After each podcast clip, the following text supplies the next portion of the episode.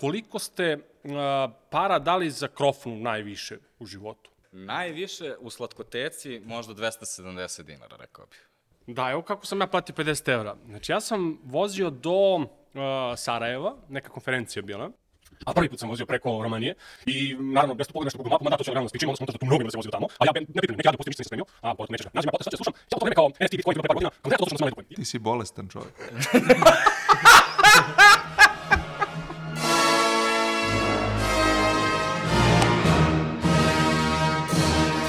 Dobrodošli na Kolegium Podcast. Danas pričamo o kriptu i Web3. Da li će ova mlada industrija uspeti da preživi tešku godinu iza sebe? Naime, mnogi najveći igrači u industriji su propali od 3 Hours Capital do Celsiusa koji je imao dosta ljudi u Srbiji, preko Terra i Lune koji su trebali da budu stablecoini vezani za dolar i tako dalje. Trenutno, Binance je pod tužbom SEC-a za obmanjivanje potrošača, što je moj najbolji prevod koji mogu da smislim za mishandling consumer assets, a slična tužba je pokrenuta i protiv Coinbase-a, što su, znači, koliko ja znam, dve najveće kripto menjačnice trenutno. Slične izazove Binance ima i u Francuskoj i u Holandiji, mada trenutno radi compliance za novi regulatorni od, uh, okvir Evropske unije koji se zove Majka. Paralelno sa svime ovime, trenutno kreće suđenje Sam Bankman-Friedu, koji je nekadašnji direktor i osnivač FTX-a, koji je od tada bankrotirao. Sam je bitan zato što je obeležio eru kripta kada je kripto bio najpopularniji ikada i nekako ušao u javnu sferu. To je taj trenutak kada su krenule Super Bowl reklame, kada je Crypto.com a, postao sponsor Formule 1, a u Americi nekih 20% stanovništva je na neki način se uključilo u kripto industriju, tradovajući ili na, na bilo koji drugi način. Danas stečajni upravnik FTX-a je John Ray, čuven po tome što je nekada bio stečajni upravnik Enrona i, rek, ovaj, rekao je javno da je FTX veća korporativna prevara nego što je bio Enron a Enron smo znali kao prevaru veka. 2021. godine Bitcoin je bio na 69.000 dolara, a danas je na oko 30. Prema tome, to je ono o čemu danas želimo da razgovaramo. Da li je ovo privremeno, da li je ovo samo winter, posle koga će se vratiti summer, ovaj, ili je ovo zaista poslednji trenutak kripta. Da bismo pričali o tome, pozvali smo dva najveća stručnjaka koje barem Čeda i ja znamo. Sa jedne strane tu je Ivan Bilajac, VP za razvijanje biznisa u Tenderly, a, možda i našem najuspešnijem Web3 startupu i čovjek sa bogatnim iskustvom razvijanja proizvoda u industriji.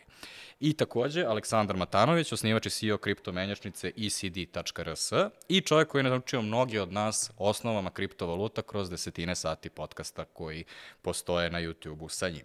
Nemanja Čedomirović, osnivač i direktor firme za Agile Consulted Growth, jedine firme u Srbiji koja se isključivo bavi implementacijom Agile metodologije i bitno za ovu temu, kripto investitor. Ja sam Goran Jankulovski, generalni menadžer kreativne agencije Žiška i agencije koja stoji iza ove kampanje sa manč robotićima koja vas napada sa svim billboard, svih billboarda oko vas. I takođe, nebitno za ovu temu, čovjek koji voli da čita Michaela Lewisa. Drugovi, direktori, dobrodošli na Kolegijum podcast. Prvo što želim da vas pitam je, Ivane, kada te pitaju da li je kripto gotov, šta im kažeš? Pa ja mislim da je veliko pitanje prvo da bi kripto bio gotov je ono da li je ikad krenuo.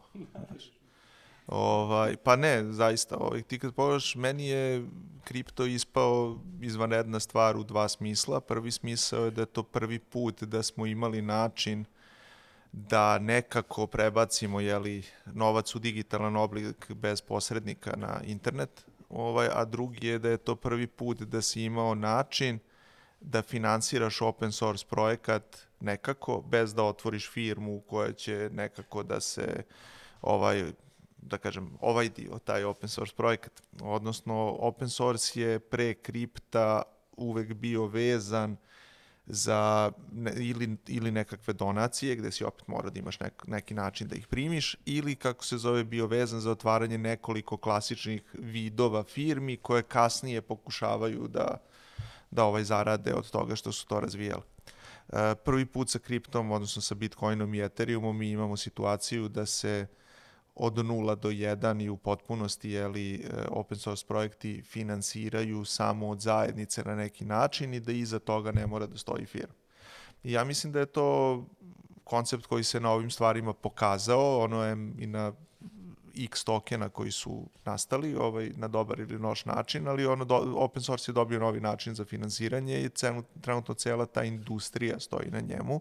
Kažem industrija zato što je jako veliko pitanje da li je kripto sam po sebi industrija ili su u stvari ti open source proizvodi ovaj nekakve ne, deo nekakvih industrija sami za sebe i da li je ta tehnologija nešto zašto sve može se koristi. Ali po meni u tom smislu nije gotov zato što on nikada nije ni postao industrija sam po sebi da bi mogao da se prema njemu odnosim na taj način, a sa druge strane ovaj, taj, taj vid tokenizacije će ja mislim ostati tu za, za uvek, samo treba da naučimo dobro kako se on u stvari koristi.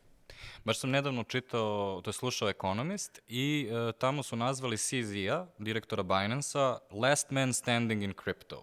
Da li je to uh, ono pozicija Binance-a trenutno ili je samo CZ je, ono poslednji tih poznatih direktora koji je trenutno aktivan? A, pa vidi, a, postoji a, velika doza straha negde kao ako, ako sruše Binance, šta će biti s kriptom, ali zato što je to ubedljivo najveća berza na, na svetu i dalje. Međutim, imali smo jednu dosta goru situaciju, pa smo preživeli. Naime, početkom 2014. je puko Mount Gox, za koji mnogi sad i ne znaju, barem od onih koji su kasnije ušli u kripto, ali on je u jednom trenutku držao preko 80% trading volumena celog kripto tržišta.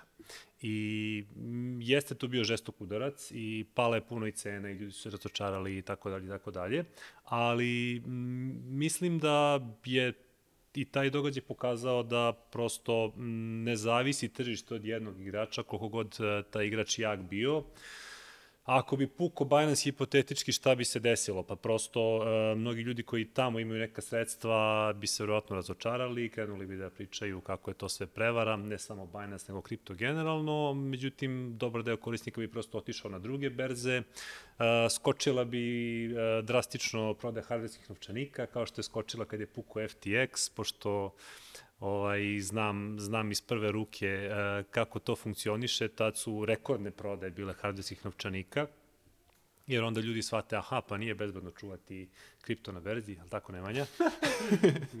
Kako prodaje Ledger, moram posle da uzmem. da. Ovaj, tako da jeste, jeste Binance u principu e, dosta bitan u smislu da ako bi pao, to bi bio ozbiljan potres, ali da li bi ubio kripto, ne bi ga ubio, prosto e, preživjeli smo i gore stvari. Ivane, kakav je osjećaj uh, ono, biti u prvom redu ono, kripto vintera ili bear marketa? Kao šta vidiš kao razlike u odnosu na recimo ono, prethodnu godinu? Neki kažu da postoje ti ciklusi, da se ovo ono, vrti u krug svake četiri godine, ali evo, kako ti vidiš kao neko ko je ono, u ovoj industriji trenutno staje? Možda, možda samo da dodam pod pitanje da objasnimo i široj publici šta je bear market, jer verujem da, da velika većina ni ne zna šta to znači. Pa bear market je jeli, suprotnost bull marketa, odnosno to je kada, kada cene ovaj su dosta niske i kada većina ono, ljudi ono gleda da možda radije ne prodaje to što ima ovaj, i kada je likvidnost u celoj, da kažem, industriji smanjena. To je, to je dobro pitanje u smislu zašto mislim da je moj odgovor specifičan, pošto smo se mi sa MEP workshopom i Atikom bavili i bavimo se ovaj, velikim delom razvojem proizvoda za druge ili kako se zove bavljanjem ljudima koji žele da razviju svoje proizvode u okviru Atika kao inkubatora za takve stvari. I ovaj sa druge strane u Tenderliju gde ja danas radim gde, gde razvijamo software prosto. Ovaj sa druge strane rekao bih da na nas ono bear ili bull market e, nikad nisu mnogo uticali, čak je jako često posao bio bolji u bear marketu zato što se nekako to tržište očisti ljudi koji žele da zarade na razlici u vrednosti, a ono ti ostaneš da se baviš onima koji žele da plate da im se napravi proizvod. A koliko osjećaš da je, pošto je sad trenutno krenuo hype oko AI-a, tako da svi moraju da imaju moj startup plus AI, da li misliš, ono, koliko utiče taj hype, kao da li je taj hype sad skrenuo konačno sa Web3-a i sad možete konačno se baviti sobstvenim stvarima ili, A me, ili vam je... nedostaje taj hype da biste mogli da dođete do novaca za investiciju dodatni? Ovde sad imaš ono i više i pitanja i odgovora. Ovaj, prva stvar je, rekao bih da definitivno kripto i kriptovalute i dalje predominantno uh, nose financijski i Web3 industriju. Znači, ono što je dobro za kripto, to je trenutno i dalje dobro za, ra za razvoj proizvoda baziranih na blockchainu, na zero knowledge proofovima, na bilo čemu što se obično stavlja pod taj plašt, kako se zove, ono Web3 tehnologija i blockchain. Uh, tako da iz tog ugla rekao bih da definitivno ovaj manjak novca u, u tom ćupu, kako se zove, utiče ono negativno na celu industriju kao takvu na razne načine. Druga stvar je, ovi mnogi ljudi mi kažu, evo kao AI je naredni trend. Ja ne mogu složiti da je AI naredni trend, zato što uh, Web3 i blockchain kasne za AI-em 5 do 7 godina od kad sam ja ušao u ovu industriju. I onda u tom smislu sad reći da kao sad je došlo vreme AI-a, ja sam u fazonu, ali AI je sve vreme ispred nas, kako sad, sad je njihovo vreme, gde smo onda mi bili. Znaš on? Ovaj, u, tom smislu, u tom smislu gledano rekao bih da uh, blockchain i ono fault tolerantni sistemi na internetu, distribuirani fault tolerantni sistemi na internetu su jako mnogo vezani za ekonomiju podataka. AI je jako mnogo vezan za ekonomiju podataka. Mislim da nemaš realan use case gde blockchain ima priliku da se koristi, a da AI u njega već nije ušao. Tako da ja bih pre rekao da ako AI otvori mnoga neka vrata, to otvara mnoge prilike za, za ovaj blockchain i web3 tehnologije pre nego, nego što ovaj skida, skida hype sa njih. Aleksandre, koliko je kada ono prosečan čovek koji je možda investitor ili traduje, kao što je ovaj Čedomirović radio? Pa dobro, sad prosečan čovek. Da. Ove, ovaj, ja sam nadprosečan. Da, a, kada se ti ljudi povuku iz tržišta, što vi osjećate kao kripto berza, um, koliko je to onda bitno za industriju ili nije bitno za industriju? Pa dobro, to su neki ciklusi e, čišćenja u principu koji su kratkoročno dosta bolni, ali su dugoročno verovatno zdravi. I kripto zima zapravo jeste, jeste vrlo zanimljiv izraz za to i do sada se ti kripto ciklusi sa prilično neverovatnom pravilnošću ponavljaju, što naravno nije, nije garancija da će tako biti u budući i nije investicioni savet, ali e, baš smo nekako imali te, ta godišnja doba, samo nisu trajala po tri meseca, nego po godinu dana. I tačno imaš, počeo od recimo, hajde, 2012. da uzmem kao, kao možda početak, jer pre toga je zaista ta industrija bila toliko mala da m, teško pričati o bilo kakvim pravilnostima, gde imaš 2012. taj neki Bitcoin halving takozvani, i to bih možda nazvao prolećem, gde se ono polako budi priroda, polako se hvata zalet, onda 2013. leto, gde ono ludnica totalna i sve je super i rastu cene i svi, svi odjednom hoće da, da kupuju kripto. Onda imaš narednu godinu gde onako polako, polako sve se stišava, ali i dalje se nešto dešava. To je recimo 2014. gde je bio veliki pad, ali opet se pričalo o tome i tako dalje. Da stiže 2015. gde kao da kripto više ne postoji. A, to je ta zima gde a, gde negde cena stagnira i ona je, da kažem, 2014. je bila mnogo bolnija, mnogo više pala cena, 15. je mirovala, možda je čak malo i rasla, ali prosto se izduvalo sve što ti kažeš, ovi neki prosječni korisnici su otišli odatle, ne priča se o tome, medijima to više nije zanimljivo i stvarno je baš kao zima, nekako mrtvilo, mali obim trgovanja na berzama i onda 2016. opet kreće proleće i evo već smo tri takva ciklusa okrenuli i sad smo opet imali 20. recimo da je bilo to proleće, 21. leto, ludnica, 22. onda kreće jesen, kreće ovaj, eh, FTX, Luna, Celsius i tako dalje, pada sve i sad smo u zimi gde se o kriptu slabo i priča i gde se ljudi pitaju da li to i da li uopšte postoji, da li će to da preživi i onda vjerojatno ćemo ponovo da se pitamo isto za jedno 4 ili 5 godina. Mislim, ne, malo mi deluje nevjerojatno će to sad zauvek da se ponavlja baš na četiri godine, ali verovatno da zbog ljudske psihologije moramo da imamo te neke cikluse Ali imamo i svuda, mislim, i u srednjoj školi i osnovnoj školi, baš sam skoro s nekim pričao kao imaš i olimpijade, imaš i sport, četvrtine, sve nešto na četvrtine, ali da ne ulazimo sad u te neke teorije zavere. Ono što bih se ja vratio na, na pučanstvo, kako ti reče, ili na, na obične korisnike. Na plebs. Na to plebs, imaš da. U, da, u Bitcoin, u Bitcoin svetu imaš taj izraz kao, ne znam, imaš ove koji su koji su, ba, kažem, neke face zbog nečega koji, da, li- da li su... Buržuji. Ovaj, pa, recimo, buržuji, recimo, gledaš na konferenciju neku i onda imaš VIP tamo Aha, zonu okej. i imaš kao ovo za plebs, kao da, sa da, da, da mogu svi ostali da da. E, ja, ja, ja se ostavim u taj plebs, Tako ali... da može plebs. Ali, ali bi se vratio sad na, na neko od ovih godišnjih doba, u nekom trenutku se desilo da me zovu, ja sam s juga Srbije, a, tamo završio srednju školu, zovu me ortaci koji znam a, da i dan danas sede ispred prodavnice na klupici, piju pivo i psuju sve živo okolo. Zove oni mene, brate, kako da kupimo mi neke mašine, da kopamo neki bitcoin.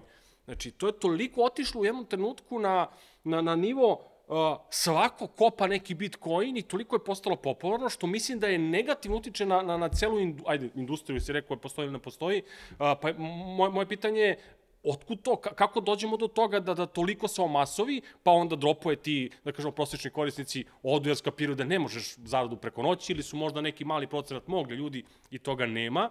Da li to možemo da povežemo s nekim bankama možda, sa nekim drugim industrijama, sigurno postoje te sezonalnosti koje privuku veliku masu, pa onda kad skapiraju da to ne može tek tako, oni odu. Ne, ne znam da su drugde toliko izražene i ti, ti ljudi koji zovu, oni zovu samo leti pod znacima navoda. Znači, zovu u 2013. zovu u 2017. zovu u 2021. Oni ne zovu ovim, tokom ovih ostalih godina, uh, jer prosto tad, tad negde uh, entuzijazam, hype uh, dostiže vrhunac, euforija. I da, tada, tada masovno ulaze ljudi koji bi da se obogate preko noći i onda posle obično par meseci shvate da to baš neće tako da ispadne. E sad, šta je dugoročna dobrobit? Dugoročna dobrobit je što određeni deo njih ipak ostane. Određeni deo njih skapira priču, skapira, ok, ne, nisam se obogatio od ovoga, ali ovde nešto ima. I ovaj, to je ideja da, barem po meni, posle svakog tog ciklusa imamo makar određeni procenat više ljudi koji kapira da ovo nije prečica do bogatstva, ovo je možda e, tehnologija, ideja, filozofija koja nam omogućuje da, da nešto bolje napravimo u svetu oko nas. Ja bih onda možda to podelio na, na, na dve strane, onako vrlo laički. Jedna je moment investiranja ili štednje, kao što, što smo malo pre rekli, da ti skloniš novac negde na stranu, to možeš i u zlato, možeš i u neku banku ili možeš u kripto, meni je to sve isto, negde možda sam po prirodi delimično skeptik, ali volim da probam sve živo i onda sam skapirao, pa dobro, nije to ništa drugačije od bilo čega drugog. A potpuno druga strana je tehnologija i šta sve možemo zapravo da napravimo za, za neke korisnike koji god oni bili. Tako da potpuno su mi neko dve različite stvari. U jednom trenutku Aleksandar nam je pričao kako je počela, počela priča o tome da 200.000 ljudi u Srbiji koristi kriptovalute, tako što je on uradio neku šacometriju i onda niko nije napravio bolju šacometriju i ljudi ga ovaj, citiraju za to. Ivane, koliko ljudi ti misliš da je bilo i koliko je ostalo sada u, ona, sa, gledamo samo u Srbiji? A, opet te pitam šacometrijski, znam da ne možeš da kažeš nikakve istraživanja konkretno i tako dalje. Pa mislim da je prvo veliko pitanje što znači koriste kripto.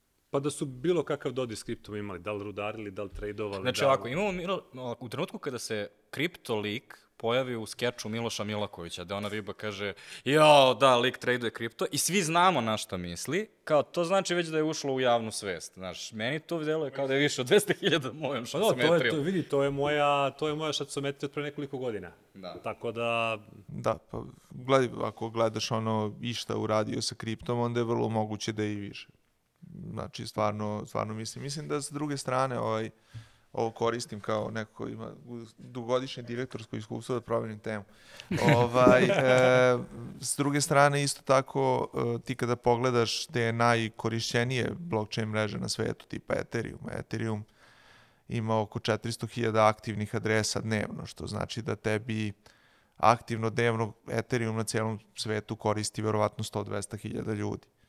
Ovaj, pošto iza tih adresa su isto tako i firme, neki ljudi imaju više adresa i sve ostalo. I sad, ono, ti kada pogledaš, to je i dalje ovaj, jako malo.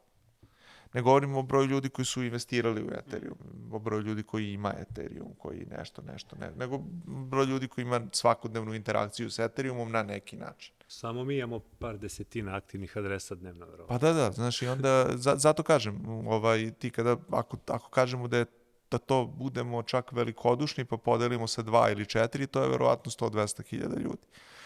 Ovaj, uh, u tom smislu gledano, uh, i dalje ono ostatak interneta je beskonačno veći. u smislu ono ti tebi jedan telekom provider ima milione korisnike kako ne desetine ili stotine ovaj čak u više država u tom smislu gledano ovaj internet kao kao internet je ali beskrajno veći od svega ovoga što se dešava ne samo zato što je ono što se dešava na blockchainu ovaj podskup interneta nego da je broj ono prave aktivnosti u stvari tu dosta mali. Tako da mene ne, ne bi čudilo ni da je ono 90% ljudi u Srbiji dotaklo kripto na neki način. Mislim da je to manje bitna stvar, mislim da je bitnija stvar za industriju i za sve ostalo, da li oni ga ovaj aktivno koriste nekako i ovaj odgovor je verovatno ne. Uh, kao što kao što ga ono dan danas još uvek niko toliko aktivno i ne koristi. A Kada pričamo o tome da li je špekulacija ili tehnologija ili da li je investicija ili tehnologija, uh, slažemo se onda da većina ljudi je tu uglavnom ulagala u kriptovalute. Ali kao šta je, šta su neki pravi use case-ovi tehnologije koje trenutno već rade, menjaju ono živote ljudima na koje ono ja ne znam za njih, kao koje su koje donosi Web3.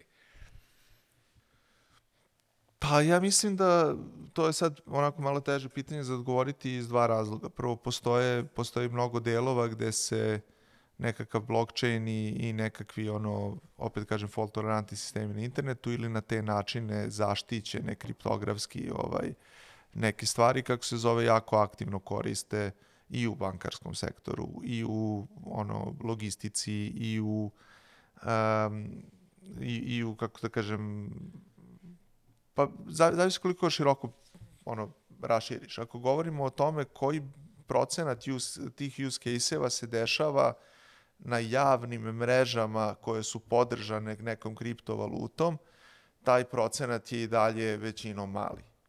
Ovaj, kripto tu ima i, i dobru i lošu stvar ovaj, iz ugla prvo što je e, napao je jako potentnu i moćnu stvar, ali i na neki način opasnu stvar, a to je novac. Ovaj, I to je prva stvar koju je napao. I onda iz tog razloga uh, sa jedne strane ta mogućnost da ti koristiš kripto, da šalješ doznake, da ovaj, ga koristiš za neke finansijske transakcije i slično je ono, ogromna i sjajna. I to je sve činjenica. Sa druge strane, isto tako, novac ono, za, ima jako mnogo različitih političkih konotacija. E sad, po meni, ono što postaje interesantno tu je prvo da li u današnjem svetu ekonomija podataka isto počinje da ima jako mnogo političkih konotacija i da li tu kripto ima veću ili manju šansu. Ovde tokenizacija zna malo i da smeta kripto. Zato što ti kada dođeš e, u, u gomili situacija da tehnologija ove vrste može da se primeni, e, činjenica je da za najvrednije od tih sistema je tebi kriptovaluta neophodna da bi funkcionisali, jer ti nekako moraš da platiš te validatore koji nisu deo jednog sistema. Ovaj, sa druge strane, volatilnost te cene je onda malo i problematična, zato što ovaj, ti dolaziš u to kao firma, država ili neko drugi ti ne znaš koliko ćeš to platiti, ne znaš koliko to što si danas platio vredi sutra, ne znaš eh, ovaj, da li će i kolikom brzinom tebi da se izvrši nekakva transakcija vezana na tome. I onda većina tih sistema koji su danas u realnim upotrebama su u stvari na neki način donekle privatni sistemi. Sa druge strane, ti privatni sistemi ono gube gomilu vrednosti koje ovi javni sistemi imaju. Sa druge strane, na tim javnim blockchain mrežama ti nemaš načine da razvijaš softver prateći određene vrste dobrih praksi razvoja softvera. I sada uh, iz tog ugla, ono kada ti imaš zatvoreni sistem koji je osakaćen time što nema gomilu vrednosti onoga što javni sistem ima jer je interkonektovan sa celim svetom i istovremeno imaš problem zato što ne možeš da napišeš business continuity proceduru jer ne može da postoji ovaj, ti se nalaziš u nekoj pad poziciji. Tako da ja bih rekao da postoji nekoliko razloga zašto mi ne vidimo danas više primjena blockchaina ovaj, u, u realnoj industriji. Prvi je zato što je najveća vrednost blockchaina jako mnogo vezana za kriptovalute. Drugi je zato što su te kriptovalute većinom volatilne i onda to dovodi do malo problema sa razmišljanjem o, to, o, tom, to, o tim cenama i svemu što se tu dešava. Treće je što ne možeš da imaš uh, nikakav business continuity napisan kao proceduru da se on uopšte dogodi, jer nemaš način da ga zaista izvedeš. Ovaj, I eto da kažem četvrti razlog je što um, kako bi sad to rekao, mislim da generalno i u Web3 i kripto većinom odlaze ljudi koji se nisu u potpunosti snašli u Web 1 ili Web 2 svetu. I sad ono, tu postoji malo i ono problem kvaliteta u smislu ljudi ono koji su najbolji u nečemu, ono obično ostanu u tome u čemu su najbolji, ovaj, a oni koji bi da probaju nešto novo, jer u ovom prethodnom nisu možda do kraja uspeli, ovaj, hoće da odu u ove stvari. Mislim, ja mogu to da pričam Da iz se prve složili ruke. ostali? Pa ja mogu da pričam to iz prve ruke, iz, iz ugla toga, e, da ti kada pogledaš razlog zašto je ono Srbija generalno bila uspešna u blockchain tehnologijama Bilo i je jako uspešno, znači ima nevjerovatno veliki... I dalje, ja mislim da, da ono, kad pogledaš procentualno, ljudi sa ovih prostora imaju mnogo, mnogo, jako mnogo uspeha u raznim stvarima. To je zato što e, naše firme i startupi nisu mogli van kripto i blockchain sveta i Web3-a kao takvog da dođu do toga da imaju pristup istim vidovima finansiranja, istim e, vidovima globalnog tržišta i slično, zato što su druge industrije prosto imale prednost. I onda mi smo imali priliku da možda neke od svojih boljih ljudi, ali i dalje je ono pitanje da li najbolje, jer imamo jako mnogo ljudi koji su jako dobri u ovim drugim jeli, industrijama, ali oni se manje vide i manje uspevaju zato što se nalaze na manjim tržištima. Ali to je poprilično standardno za disruptivne tehnologije, u smislu nama je na ovim prostorima to bilo interesantno, ono, nagrada koja je tu postojala je bila dovoljno velika da Jeste, se i mi zato, zainteresujemo. zato kad ti pogledaš kako se zove, mislim da sam gledao neke ta istraživanja koje su radili, ono da tipa 20% ono uspešnih, eh, kako da kažem, developera, ono, ljudi koji razvijaju nešto, znači u, u ovaj kripto svetu, ovaj, uh, ono, govori neku, ne, neki oblik nekog slovenskog jezika. Znaš, to je jako zanimljivo, Zanimljivo kad ti nešto da gledaš iz tih uglova, znači, jer to su to su stvari koje ovaj ne očekuješ u nekim mnogim drugim industrijama gde je mnogo veća konkurencija, mnogo veći upliv ovaj nekog tradicionalnijeg novca i svega ostalog. Aleksandre, da li tebi deluje kao da je, ako je Bitcoin white paper izašao pre 15 godina i onda za 15 godina Web 2 je na, ono, napravio veoma jasnu revoluciju ono, u svim našim životima, od toga da smo dobili streaming, do toga da smo dobili društvene mreže, na primjer, kao da li je, da li Bitcoin onda kasni ili nije ni bitno da li kasni ili ne?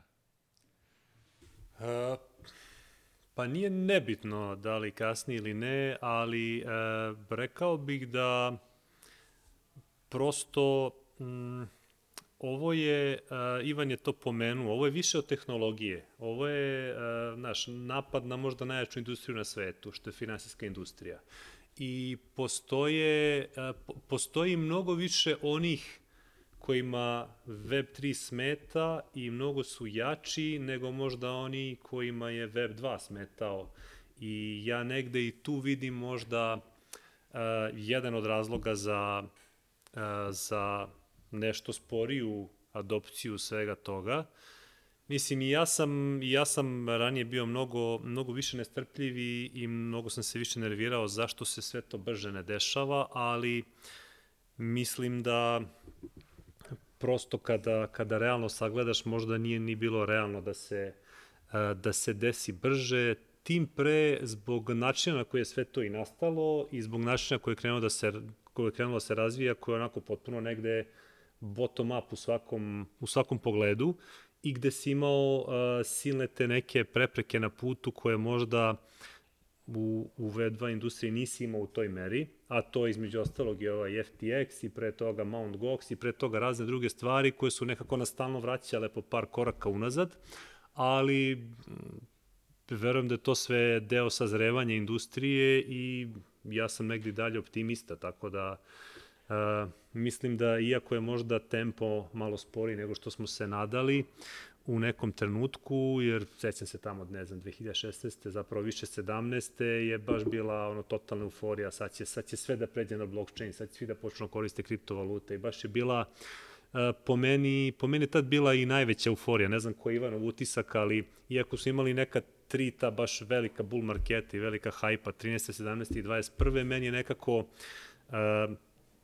taj uh, 17. je bio najizraženiji, nekako mi najjača euforija bila, iako nije ni po rastu cene, ni po apsolutnom rastu cene, ni po procenalnom rastu cene nije bio najjači od ta tri. Ali nekako je meni bio utisak da je tad euforija bila na vrhuncu i da smo negde a, to hlađenje koje je nastupilo posle toga je učinilo da i u ovaj naredni ciklus koji je posle toga došao i u neke sledeće uđemo sa ipak malo većom dozom opreza i malo kao, okej, okay, super je ovo, ali već smo se opekli malo, ajde da se ne zalećemo baš toliko kao prošli put.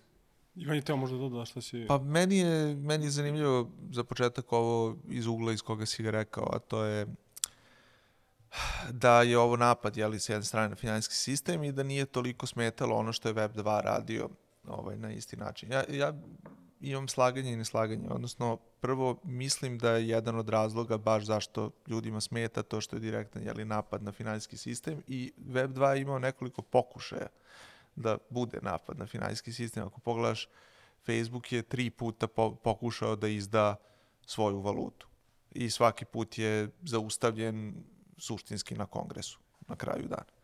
Ovaj, I, znači, generalno, uh, mislim da taj moment uh, gde, gde su sve te ove tehnologije obično naišle na težak zid je moment kada su nekako krenule da napadnu pod znacima navoda dolar.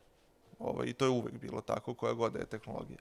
Mislim da Web2 nije imao, s druge strane, uh, tu vrstu otpora zato što je govorio faktički o tome da ljudi ono sami kreiraju sadržaj i tu je nastala neka advertising bazirana ekonomija podataka koja tada nikome nije toliko smetala jer niko tada nije razmišljao o tome da su ono podaci nova nafta ili nešto, nego svi smo to nekako gledali kao, pa da, da, nekako drugačije shvatano. I sada ti kad pogledaš današnje načine uh, ponašanja, ono, počeo od GDPR-a do ovih drugih sankcija koje se nameću ovaj, takvim firmama i slično, ovaj, ti suštinski vidiš da je sada svetu počelo jako da smeta ta ono suštinski sistemska zloupotreba ovaj podataka gde je Web3 više saveznik nego nego problem za razliku od ove trenutne jeli, Web2 industrije koja je tu veći problem od Web3-a. I onda e, rekao bih da tu i ono adopcija ovih novih tehnologija ono ima neku, neku svoju veliku šansu, samo, samo veliko pitanje je u stvari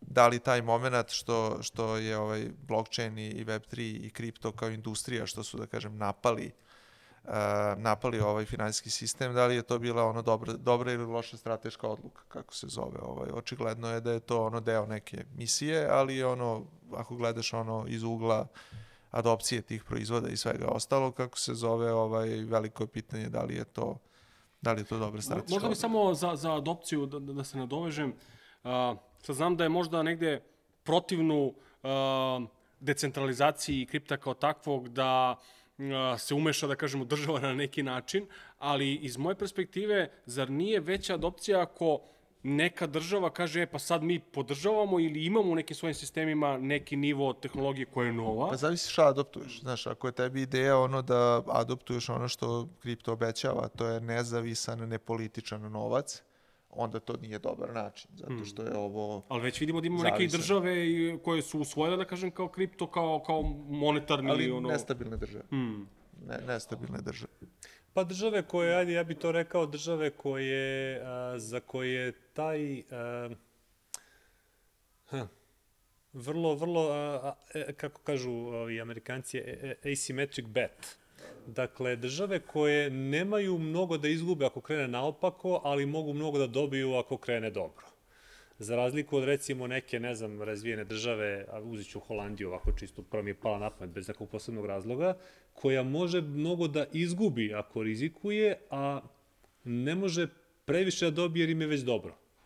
I onda negde zato je El Salvador možda bio prvi, mislim zato je takva neka država morala da bude prva koja će to da proba, jer m, ako su uboli pravu stvar, onda su ono, preskočili sigurno par desetina mesta na nekoj rang listi država, a ako su promašili, nisu mnogo pali, ako su pali uopšte. Tako da, A zar nisu i banke počele, bar ono što, što ja znam, onako paušalno, da neke banke dozvoljavaju, da kažem, i um, storovanje ko, u njihovim sistemima kripto kao bilo koji drugi Pa novac? dobro, vide, vide tu sebi biznis priliku, tako da... E, to je meni negde momenat gde, gde adopcija kreće da se širi na, na, na veće Da, mase. nije, mislim, mislim da bankama to nije ideološko pitanje u smislu, je, meni se baš sviđa Bitcoin, ne da to ponudi svojim korisnicima, nego procenile su, postoji dovoljan broj korisnika koji bi to hteo da ja radim za njih, jer zanima ih kripto, a s druge strane ne osjećaju se konforno da sami to čuvaju, pa kao ajde ja ću da ponudim tu uslugu i ja mislim da oni tu sebi samo vide biznis šansu ili možda diversifikaciju rizika. U fazonu, ok, možda tog kripta neće biti ništa, ali šta ako bude pa ja propadnem? Ajde da i tu se zapljunem, što se kaže, i da zauzmem negde dobru poziciju, da budem među prvima, pa ako kripto zaista jednog dana postane mnogo jak, eto, Ja to sam, dobro ja ili loše, tu. mislim, meni je to dobro za, za kripto kao tako, ili tako da ti neki veliki Pa sistemi... sad da li je dobro ili loše, vjerojatno da je neminovno. Jer ako ti, a, ti, ti ne možeš da imaš masovnu adopciju bez toga da se institucije uključe u to. Jer neće oni da gledaju sa strane i da kažu, je, baš je super ovaj kripto i baš je super što sve to ide mimo nas i eto, mi to podržavamo, nego oni traže svoju šansu da nešto zarade. I to je prirodna stvar. Sad, koliko je to dobro, koliko Dobro, je loše. isto tako pogledaj one prodavnice koje su prodavale CD-ove, znaš, ono, ovaj, njima je to smetalo, pa su propale prodavnice koje su prodavale CD-ove, a CD-ovi su uspeli, ono, to jest e, muzika na internetu je ono postala novi standard sa ili bez tih prodavnica. I to ima isto svoju gomilu dobrih i loših strana.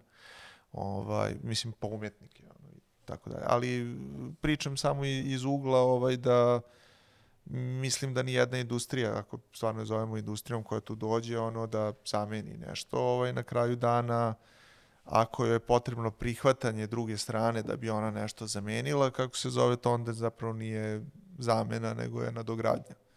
A da li je nezavisni, politi, ono, politički nezavistan novac uopšte moguć? Jer recimo kad smo spremali ovu epizodu pojavila se vest da je Gorentex, ako sam dobro zapamtio, kao neki exchange da se koristio da uh, se prebacuju sredstva Hamasu. Onda mi je Aleksandar poslao novi link u kome su razjasnili da nisu to radili, ali to je u stvari i pitanje koje treba da diskutujemo, a to je da li ako imaš totalno nezavisno, onda bilo ko može bilo kome da pre, prebaci, a imamo neke zakone koji ipak pokušavaju da ograniče ili recimo finansiranje terorista ili narko, ono, pranje narkonovaca i tako dalje. Ima da sad, izvini sad što ti se malo ubacujem, ali a, tu treba, tu treba da imamo u vidu jednu jako zanimljivu stvar. A, Kad god postoji naznaka da se kripto koristi za nešto loše, to je vest. A zašto je vest? Vest je zato što se to dovoljno redko dešava. E, niko neće da kaže, a Hamas je finansiran preko bankarskih transakcija, zato što se podrazumeva da je tako finansiran i podrazumeva se da je većina terorističkih napada tako finansirano i da je većina generalno ilegalnih aktivnosti finansirano dolarima ili eurima, a ne bitcoinima.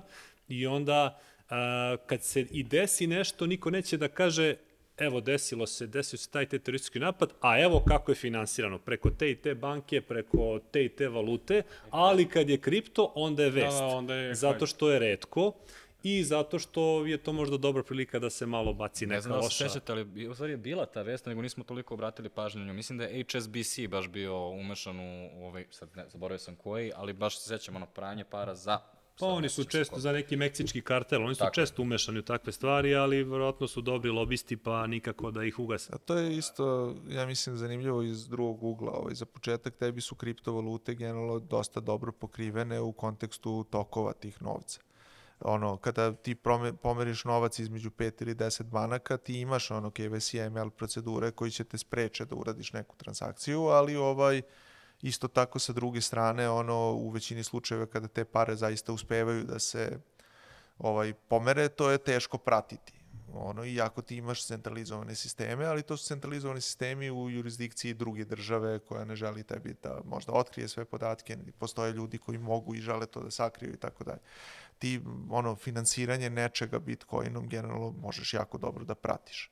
I firme kao što su Chainalysis i ove druge koje se bave sličnim poslovima to jako dobro i rade. Tako da teoretski gledano, rekao bih da tebi čak ono ako Hamas krene da se finansira kroz Bitcoin, ono tu postoji bolja stvar u odnosu na finansiranje kroz banku, to je što ti možeš javno da vidiš tu aktivnost, kako se zove, i da na neki način ispratiš možda tokove kako se to u stvari dešava.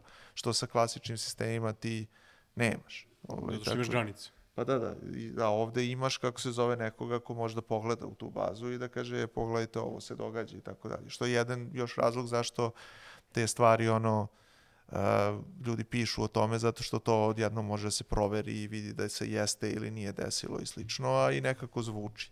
A nije li ironično da ovaj, kao, pričamo o tome da bi trebalo da postoji DeFi, a onda najveći problem koji Binance ima jeste da li je compliant u svim jurisdikcijama u kojoj radi. Zašto se onda uspinju toliko da naprave taj compliance? Pa do, Binance nije DeFi, Binance je CeFi takozvani. Oni su... Ajde, za nas uh, lajke, šta je, šta je jedno, šta je drugo? Pa de, DeFi ti je, de, da, hajde da kažem, decentralizovane financije, ali to je a, ideja gde ti i ako imaš neke posrednike u nekim transakcijama ili u nekim finansijskim aktivnostima, ti posrednici su a, su, su platforme koje, koje vodi softver, koji, za kojih ne stoji nužno neka kompanija i gde a, niko ne čuva tvoja sredstva za tebe osim možda opet neki softver kroz, kroz pametne ugovore takozvane, a Binance je klasična kriptoberza gde ti deponuješ pare i neko drugi deponuje kripto i onda vi trgujete, ali i kripto i pare su sve vreme kod njih. Tako da a, sve te berze poput Binance su zapravo most između ovog sveta tradicionalnih financija i pravog DeFi-a, gde ti preko njih konvertuješ dolare, eure, šta god u kripto i tek onda ti možeš da uđeš u pravi DeFi. Ti ne možeš da uđeš direktno dolarima u pravi DeFi. Tebi treba kripto. A pošto verovatno ne primaš zaradu u kriptu, onda moraš preko Binance ili nečega drugog da uđeš u kripto i tek onda možeš da uđeš u DeFi. Pa i druga stvar, ovaj, nevezano za tvoje primanje zarade u kriptu, ovaj, uh, u suštini to leto jeli, DeFi-a se desilo tako što si ti odjednom imao institucionalni kapital koji je ušao u, u DeFi. E sad, e, institucionalni kapital nije mogao da uđe u DeFi sem tako što da, da pare Binance-u, Celsiusu, firmama, znači registrovanim firmama koje imaju svoj lanac od ovaj, odlučivanja koje su obećavale nekakve jeli, kamate ovaj, tim ljudima. I DeFi je do nekog trenutka mogao da izdrži te kamate kao industrija, da, eto, da kažemo da DeFi jeste neka vrsta industrije. E, međutim, e, veliki in- pojedinci su mogli da uđu u DeFi direktno. Zahtevalo je više znanja i zahtevalo je da sad ti tu manipulišeš tehnologijom na neki način. Velike ovaj ono, velike industrijska ulaganja su se dešavala tako što ti potpišeš ugovor sa drugom firmom da to radi za tebe. I tu gde su se desile zloupotrebe, desile su se tu, što je taj novac loše upotrebljen nakon što i nije postojao. Da, da, i nije postojao način da, da ti suštinski ispratiš kako su oni zapravo oplodili taj tvoj novac, oni su obećavali neke kamate i u nekom trenutku kada više nisu mogli da ispoštuju te kamate, neke od tih firmi su krenule da smanjuju kamate i izgubile korisnike. Neke od tih firmi su zadržale kamate i ovaj otišle u pravcu propadanja. Sad, e, to je meni interesantno iz ugla ovog Celsiusa, jer mi smo njima pomogli da naprave proizvodi i ono boli na sve što se desilo na više načina ali ono i kao korisnike ja smo ga pravili, a i kao nekoga ko je, ko je ovaj to razvijao i slično, ono od e, momenta da, da ti neko to zamjera na nivou reputacije do momenta na tom nivou da ono prosto to je bio veliki klijent koga si imao u to vreme. Ovaj, ti kada gledaš uh, Celsius kao firmu, oni su krenuli sa idejom koja danas jako liči na DeFi firme, niko to danas nije, tada nije ni zvao DeFi, ono, ovaj, to je tada ličilo na nešto se zvalo ETH Land, ovaj, kako se zove, a danas se zove Aave i verovatno je jedna od najuspešnijih, ako ne i najuspešnija, ono, DeFi pojedinačna firma. Uh, međutim, Celsius je otišao u pravcu te centralizacije zato što nije mogao, jeste, Pa da, oni su čak hva- hvalili ovaj da su i ovaj izmislili taj danas suštinski omražen izraz, jer ovaj, i njihova logika je bila baš to, kao jednostavno eh, ne postoji način da ljudi uđu u DeFi, i, odnosno konkretno da pre svega veliki kapital institucionalni uđe u DeFi bez centralne komponente i mi ćemo to da radimo. I onda kada se desilo da je DeFi kao narastao dovoljno, uh, da se to možda i moglo raditi, ali bez toga Celsius nikako nije mogao da batali prethodni način poslovanja i da pređe u ovo no, novo. I onda ono pod pritiskom tržišta investitora, ove ličnih odluka i svega, oni su napravili mnogo nekih ono i ružnih poteza ovaj koji su bili se desili da kažem iza zatvorenih vrata i ovaj obzirom da firma iz toga nije isplivala oni su otišli u pravcu u kome su otišli. S druge strane, isto tako je teoretski moglo da se desi da oni iz toga isplivaju i da ih mnogi gledaju kao jako dobar primer, jako uspešne firme, kao što se ono često dešava u svim finansijskim industrijama. Znači ti imaš firme koje se jako mnogo klade na dobar ili nobar, na, loš način da će nešto da se dogodi. Zar nije tako sa svakim startupom, mislim, na kraju dana? Dobro, startup je drugo, zašto ti praviš nešto, ovo je, ovo je baš, e, tvoj proizvod je finansijska budućnost. Znaš, u tom smislu, kao ću ja kažem. Tako da, kada gledaš sa, iz ugla ovaj, bilo kog ono, fonda ili ulagačkog kapitala, kako se zove, verovatno da postoji gomila njih koji su radili isto što i Celsius, pa nisu uhvaćeni. Ovi su, s druge strane, ovaj, to uradili i onda ono, ima ona izreka, ono, ne psuje majka, kako se zove sina, što se kladi nego što, što se vadio. Ovaj, I onda, onda je to napravilo neku spiralu događaja koja se opet mogla desiti iza zatvorenih vrata. Mislim da je tu isto zanimljiva situacija što SIFA je generalno kao deo tehnološke industrije bio više neregulisan čak i ovim klasičnim zakonima. Ovaj, a sa druge strane, ono što je DeFi imao kao prednost, a to je da sve zaista možeš da ispratiš na blockchainu šta se desilo. SIFA i firme suštinski su samo malim delom bile deo tog sveta. Većinu toga su obavljale u klasičnom sistemu koji ih nije prepoznavao i onda su se desile zloupotrebe, dok, kako se zove, kažem, ni- nisu čak ni bile na ovoj drugoj strani. A pošto si bio tu u prvim redovima, jel si vidio nešto što bi uradio drugačije ili misliš da je ono to bilo samo ono, niko nije mogao da predvidi Pa, pazi, nesigurnost tržišta? prva stvar je ono, mi smo njima razvijali tehnologiju, tako da mi nismo tu mnogo šta mogli da, da ni uradimo. Ovaj, mi nismo imali ni uvid u to ovaj, kako se ta sredstva ras, raspoređuju. Znači, ovo nije sad da se nešto peremo od toga, nego prosto nisi imao uvid. Ja sam u nekom trenutku, mislim, na, na Koponik Business Forum, neko me je pitao, bio vezan za te stvari, ja sam rekao, Celsius trenutno daje te kamate, ovaj, mi razvijamo njima proizvode, sve se to dešava i ovaj, kupili su od nas neki deo ljudi koji su radili u firmi, ovaj, napravili posebno entitet sa Celsius Belgrade, mi to saportamo i sve ostalo. I ovaj, e, onda je postojala tu suštinska jedna stvar koju sam ja tada komentarisao, a to je da DeFi ne može da izdrži ove kamate narednih 10 godina, da su kamate danas takve i u nekom trenutku će sve te firme spustiti kamate kada to više ne bude moglo da se izdrži. E, ono što se suštinski desilo da je taj trenutak da to ne može se Došao izdrži sad. se, ne, nego se desio tipa dve godine ranije Mhm. godinu ili dve ranije i onda kako se zove jednostavno, međutim oni nisu spustili kamate, oni su samo nastavili to da rade. Mislim, svaka tu prosta matematika, da kako kažem, je išla u pravcu toga da je ta kamata održiva samo do određenog trenutka. I sad, očigledno, cela SIFA i bazirana industrija je imala razlog da laže o brojevima kada je taj trenutak. Pa postoji pritisak konkurencije tu, Celsius nije bio sam, sam sa sobom, on je morao da se takmiči tim kamatama sa drugima koji su pružali istu uslugu i onda ako ti Pa zato je- spustiš kamate pre a, konkurencije, odnosno Zato je meni teško da ja sad pljunem te ljude i oni su napravili neki niz odluka koje su ono možda im treba da imaju i kriminalne posledice. Recimo, mislim da je jako ružan moment da ti promeniš end user agreement u trenutku kada si čoveku već izgubio par. Mm. Znaš, to su neke stvari koje ono već sad prelaze rade, da. etiku i možda, možda je onako jako upitno. Ali e, s druge strane isto tako e, neke od tih firmi su isplivale, neke rade dobar posao, neke su radile isto loš posao, ali jednostavno ih niko nije ubo na isti način na koji su ubodene ove firme koje su propale.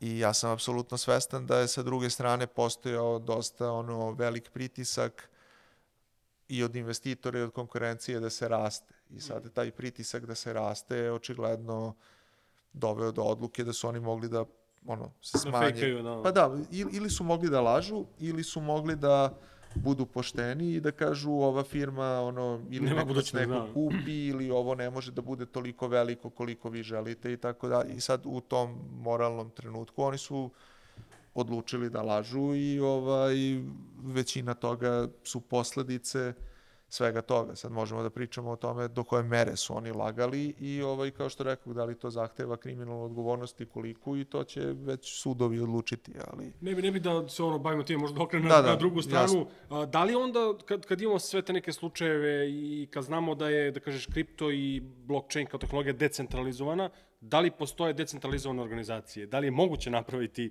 uh, DAO, jel se tako to zove u kripto svetu? Jer negde mi je paradoks, imamo decentralizovanu tehnologiju, a ne možemo da napravimo uspešnu decentralizovanu firmu ili organizaciju. pa danas ne postoje.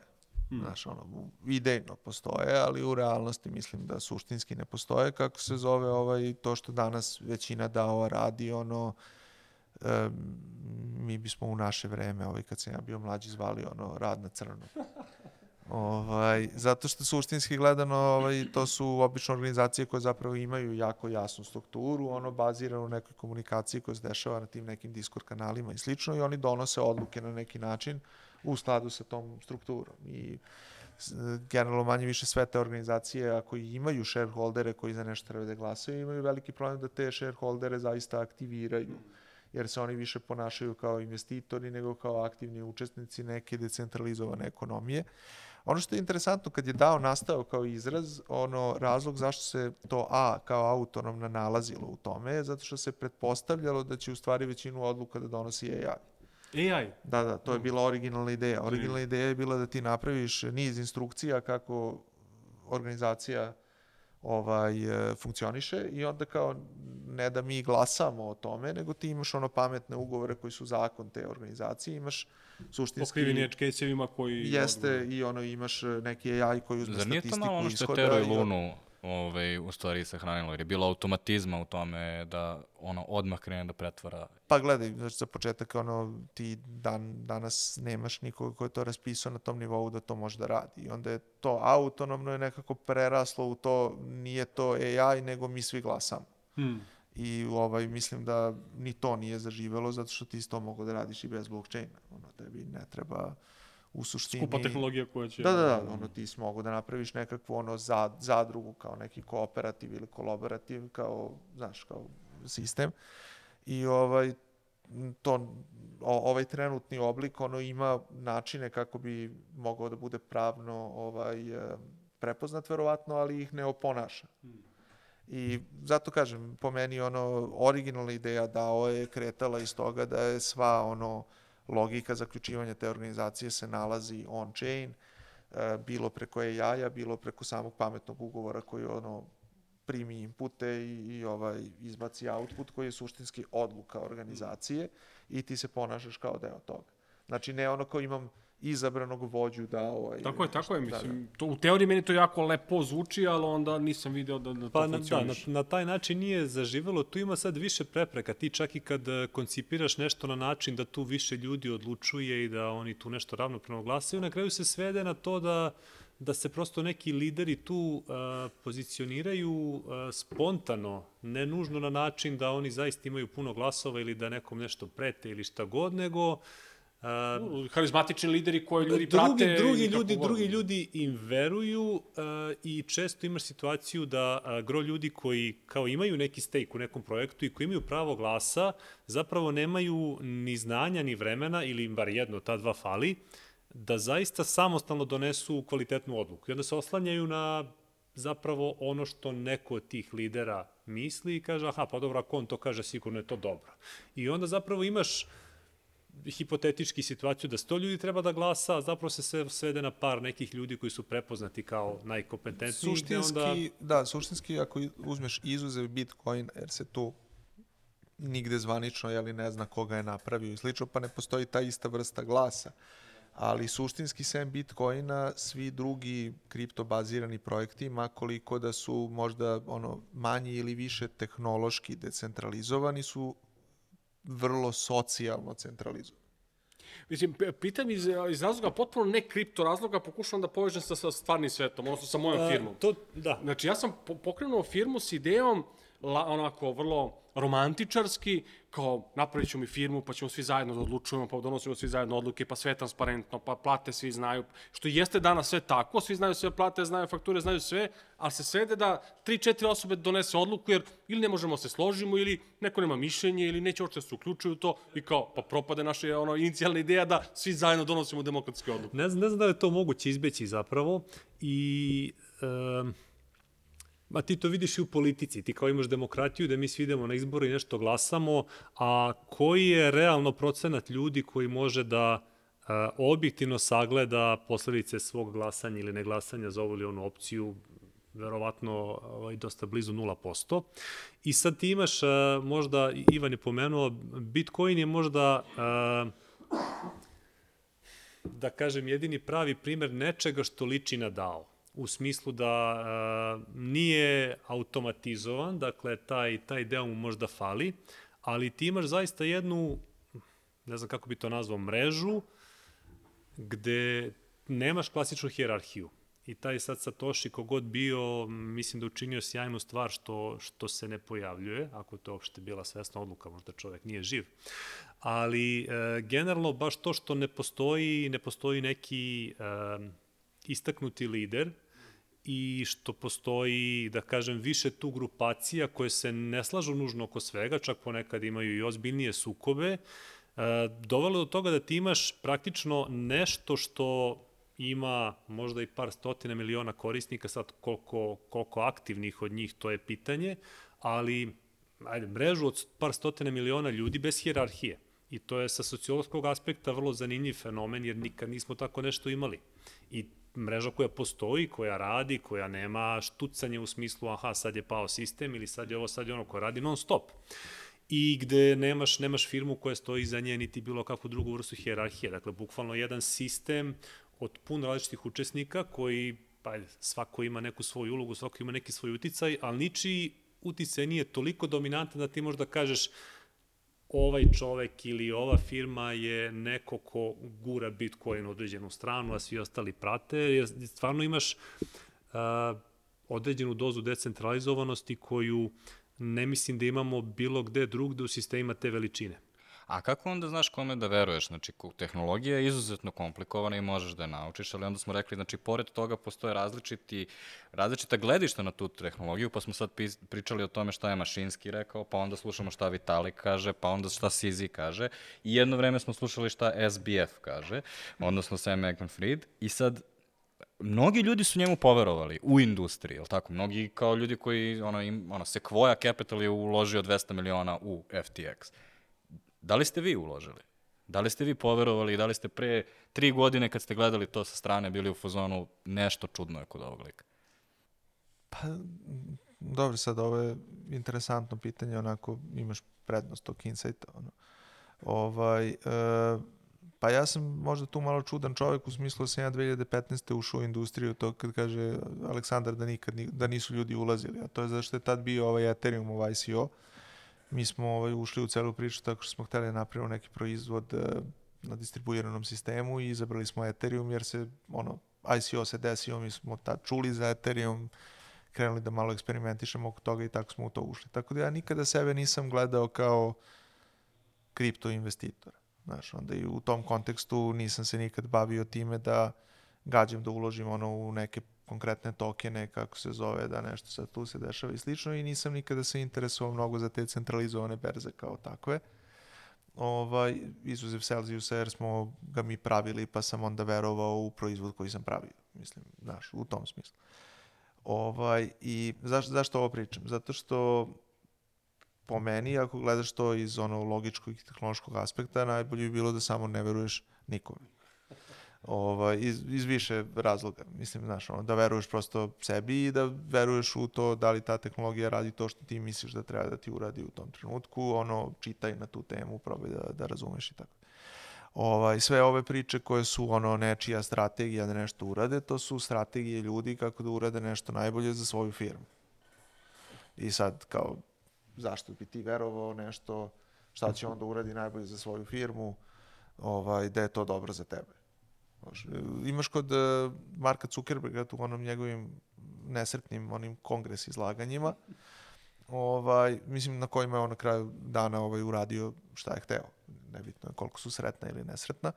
Ovaj, on je imao tu rečenicu jednu kada je rekao da ovaj, je on svestan da to šta je dobro za Facebook možda nije dobro za čovečanstvo. I sad, znaš, to je... Svaku korporaciju na ovom svetu. Pa u tom smislu hoću ti kažem, znači i sve te firme koje postoje suštinski gledaju da urade nešto što je najbolje za njih.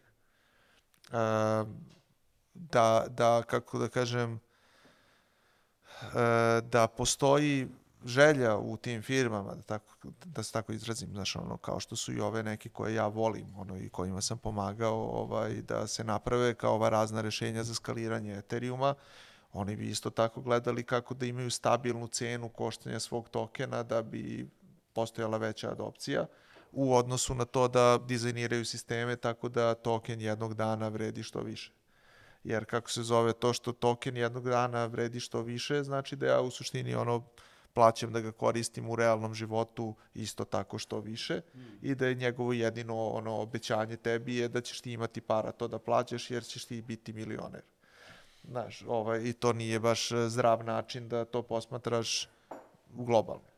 Ovaj, ali isto tako sa drugom. Znači, po meni ono jednostavno treba sve to smatrati kao korporacije koje se trude da naprave što bolje odluke za sebe i ti gledaš da se ti uhlapaš u te odluke, da li je to za tebe isto dobro ili nije. Da li je to što si opisao onda biti kriptoskeptik, ali unutar kriptoindustrije? Je to zdrav stav?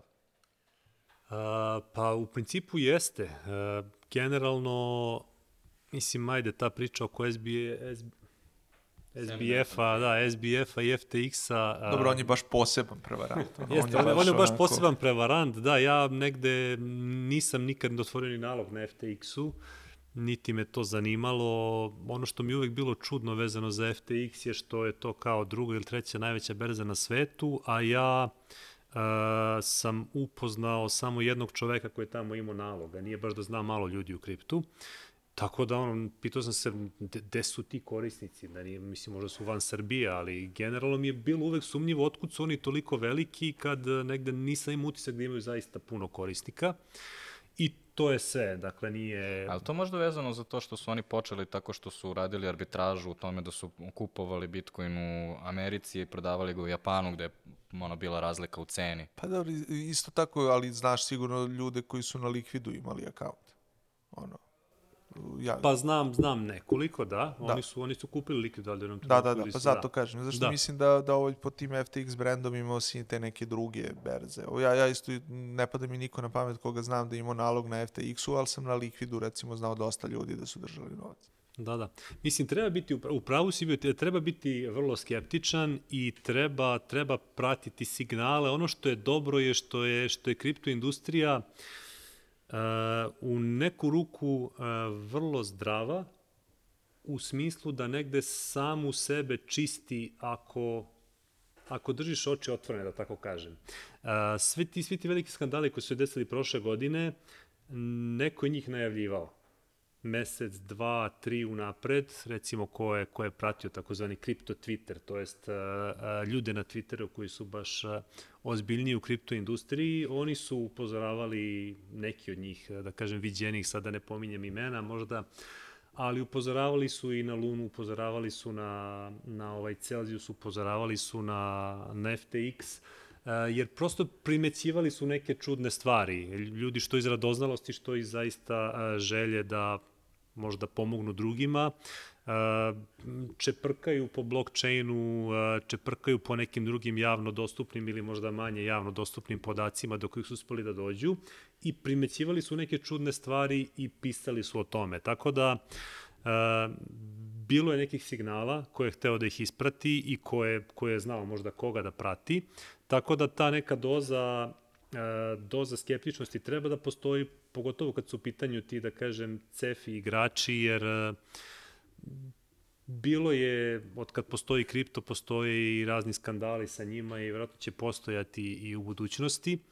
I baš zbog toga treba, treba čovek da pažljivo bira čije usluge koristi, i da jednom kad izabere ne bude ok, sad je to to i više ne pratim ništa, ja mu verujem bezuslovno, nego da prosto bude, bude otvoren za to da možda se u nekom trenutku pojave neke informacije zbog kojih treba čovjek da se Pa predomisli da, i da što, promeni. što više postoji, ja bih rekao, neki centralizovan, a ne nadziran igrač, to je veća šansa za zloupotrebu. Ovaj, ja već dve godine unazad recimo pričam da su ovaj bridževi potencijalan problem, sad imamo ovu situaciju što se desila sa Lidom i sa Layer Zero, ovaj, gde je bridge poslao pare, jeli, bez, bez glasanja dao na neku stranu.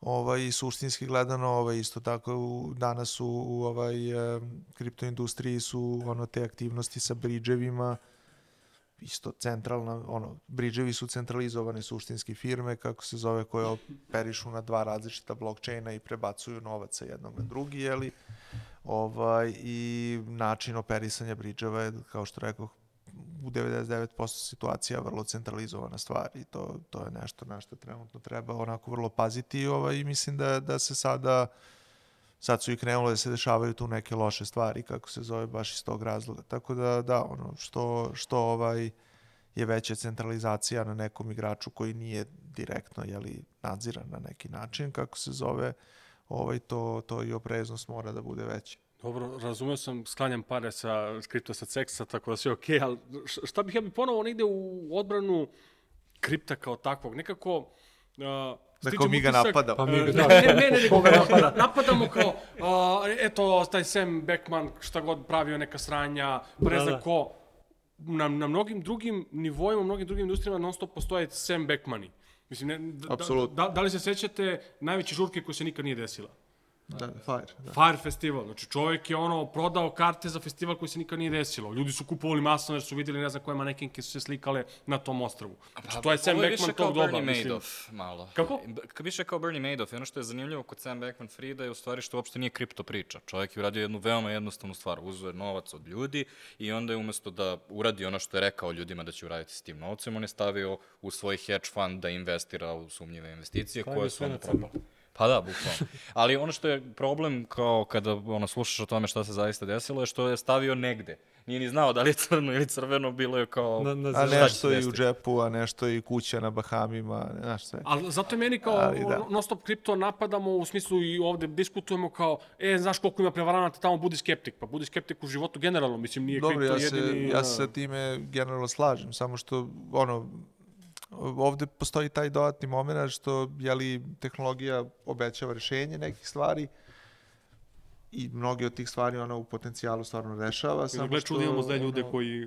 Pa ne, ne, mislim da postoji taj moment gde ti trenutno imaš to među stanje, gde imaš ono tehnologiju koja rešava neke stvari tehnološki, ali mora da bude prihvaćena od većine da bi to radila. Ova, I onda je isto tako pitanje da li ako se prihvati od, te, e, od većine, ta, to kako radi ta tehnologija može da izgleda ovako kako izgleda danas, gde ono, većina ljudi koji su u kriptu, ono koji vole tu originalnu ideju, će uvek reći kao ne, ja ne želim da tako to izgleda, zašto to radite, isto kao što su ljudi govorili za internet, ono, kada je postao mainstream 90-ih, da je izdao ono etos interneta kakav je, jeli, trebao da bude. I sad, zašto ovo kažem? Zato što suštinski gledano to što radi za masu, ono verovatno ne radi dobro za pionire. Ovaj, to je jedna stvar. I druga stvar je da ti trenutno imaš e, ogromnu količinu tog međustanja koje sebe propagira kao uh, ono regulatory compliant i kao osigurano tehnologijom, a u realnosti nije ni jedno ni drugo. Hmm. Znaš, niti je ono compliant jer nikoga zapravo ne nadzire i ne postoji ono okvir za dobro nadziranje toga i sa druge strane oni suštinski u core poslovanju ne koriste tu tehnologiju, nego im je to ono secondary thought. A kako gledaš na ulazak tih velikih investitora, tipa BlackRock treba tren da uđe, ne znam kako tačno. Ja sam imao jedno, jedno interesantno, kako se zove, poznanstvo sa nekim ljudima iz BlackRocka, kako se zove pre neku godinu, ovaj, gde znam neki tu niz ljudi i onda ovaj, nekako smo se dotakli ono, ovaj, te teme, onda jedan momak koji je radio u BlackRocku je rekao kako se zove da je BlackRock nastao suštinski na ideji da ti ne možeš e, da pobediš ono u tradingu na berzi majmuna koji ono lupa, jer kao 50% ti je uspešnost i onda cijela logika im je bila da oni probaju prosto da velikim kapitalom, kako se zove, ono se ponašaju na taj način da, da ono igraju igru brojeva, a ne da oni uopšte pokušavaju da pogode šta je dobra investicija i šta treba s nečim da se uradi. I onda sam ja pitao kao dobro, ako je vama poenta da imate velik kapital i da on samo ode negde, ovo, čime se vi ono bavite kao BlackRock. Znaš, kao šta radiš ti, kao ima toliko zaposlenih, kao šta uopšte radite. I ovaj suštinski odgovor se sveo na to da je to većinom lobiranje i ono kao pokušavamo da zaključimo je sve treba da ide, pa mi kao to podržavamo. I sad, znaš, ono, imaš s jedne strane čovjek ti dođe i kaže ti, gledaj, mi ne znamo, Ne znam ono, čime se bavim. ne znamo, ne znamo kako se ovo radi i ono kao jednostavno ono, sipamo kapital na to jer porašće celo tržište i mi ulažemo samo u indekse. Jer to je suština. Mislim, ja, ja sam ga možda malo onako preterano crneo, ali njegova suština je bila BlackRock je izmislio ulaganje u indeks, jer ti ne znaš gde, gde će išta da ide, samo veruješ da će tržište uvek da raste. Bolje od nečeg što ćeš ti da uradiš drugo s tim novcem. Ovaj, a onda kao, pošto ti ne znaš u šta da uložiš i šta, nego ulažeš u indeks, kao tvoja osnovna ovaj, delatnost je da odlučuješ gde svet ide. I znaš, to je jako ovako zanimljivo kao, kao ovaj, da, da, pa da, da, da te dve stvari postoje istovremeno. Jeste Znaš, interesantno, ali ovaj- kako se to odnosi na kripto onda? Šta misliš da je njihov ulazak? Je li to će osnažiti koju- kripto i sada ćemo konačno imati kraj toga da nećemo imati SBF-ove ili je ovo u stvari više onda nije kripto uopšte? Ili misliš da će ih ono, samo zajednica ono odbaciti? Pa, ajde, kao, kao što si i za banke pitao da li njihov ulazak dobar ili loš, isto ću tu govoriti neminovan je sad, da li je dobar ili loš, možemo da gledamo iz više uglova. BlackRock isto tu vidi biznis priliku, dakle ima institucionalne investitore koji očigledno određeni broj njih zanima Bitcoin i oni su tu sebi videli šansu. E sad ono što ljudi često pitaju, pa dobro, a ti što ih zanima Bitcoin, zašto ne ulože u Bitcoin već sad, zašto čekaju BlackRock? Postoji tu više razloga koji su vrlo legitimni. Jedan je što nekima regulatorno nije dozvoljeno da ulažu u kriptovalute, a jeste im dozvoljeno da ulažu u ETF-ove. I onda oni praktično praktično kupe Bitcoine da nisu kupili Bitcoin. Odnosno, iz investicionog ugla oni su dobili taj upside koji bi imali i da su investirali direktno u Bitcoin, ali zvanično u njihovim knjigama piše ja nemam Bitcoin, imam Bitcoin ETF, što je potpuno druga regulatorno gledano kategorija. I drugi bitan razlog je što opet te institucije, neke koje, koje eventualno zanima ulaganje u Bitcoin, e, pitanje koliko se lagodno osjećaju da ga čuvaju same, da kažu ok, ja sam kupio Bitcoin i sad gde da ga čuvam, neću na FTX-u, verovatno nije pametno, ili na nečemu sličnom, a opet ne znam da li tehnološki dovoljno vladam situacijom da, da budem konforan s tim da ga čuvam sam, a ako mi ga čuva BlackRock, dosta mirno mogu da spavam jer računam i ako nešto pođe naopako imaju odakle da se pokriju. Tako da mislim da su to neka dva momenta koja, koja su uh, bitna i gde gde zaista postoji vrlo logično objašnjenje zašto će ljudi kupiti Bitcoin, odnosno pre svega institucije, zašto će kupiti Bitcoin ETF, a ne kupuju već sad Bitcoin. I eto, to je negde uh, moje tumačenje. E sad, kažem, da li je to dobro ili loše, očekuje se da bude svakako dobro iz ugla kretanja cene, a možda malo manje dobro iz ugla što će veći procenat Bitcoina nego što je to sada slučaj, e, biti u rukama nekih centralizovanih entiteta. Tako da je to možda iz tog ugla A Ivane, da li to vidiš kao validiranje tehnologije ispod ili vidiš samo kao BlackRock radi još jedan play? Pa vidim kao BlackRock radi još jedan play. Ne, ne vidim da to validira tehnologiju ispod. Za mene je tehnologija ispod donekle validirana, kaž, zato što mislim da e, postoji jako bitan ono use case za nju, a to je taj ownership nad podacima i da će to sada ono sa generative AI-em, sa svim drugim stvarima koje se dešava, samo da postaje još veći problem. Znači to je bio neizdrživ problem ono going forward već e, godinama unazad, a sada mislim da dolazi do toga da postane neizdrživ problem za sve od ono privatnih korisnika do države i da će jednostavno svi želiti da to reše na neki način. Tako da u tom smislu mislim da tehnologija o, ovaj će se validirati na drugi način. Moj problem sa druge strane sa blockchainom i, i ovi, e, svim stvarima vezanim za njega u ovom trenutku je mnogo više iz ugla da, da mislim da ono sposobnost ljudi u blockchain industriji da prave dobar softver nije trenutno visoka. I ovaj, da je to nešto što mora da se promeni. Ti tu imaš neke ono genijalne pojedince, ali generalno cela industrija ovaj, ima generalno ovaj, manjak zaista dobrih inženjera.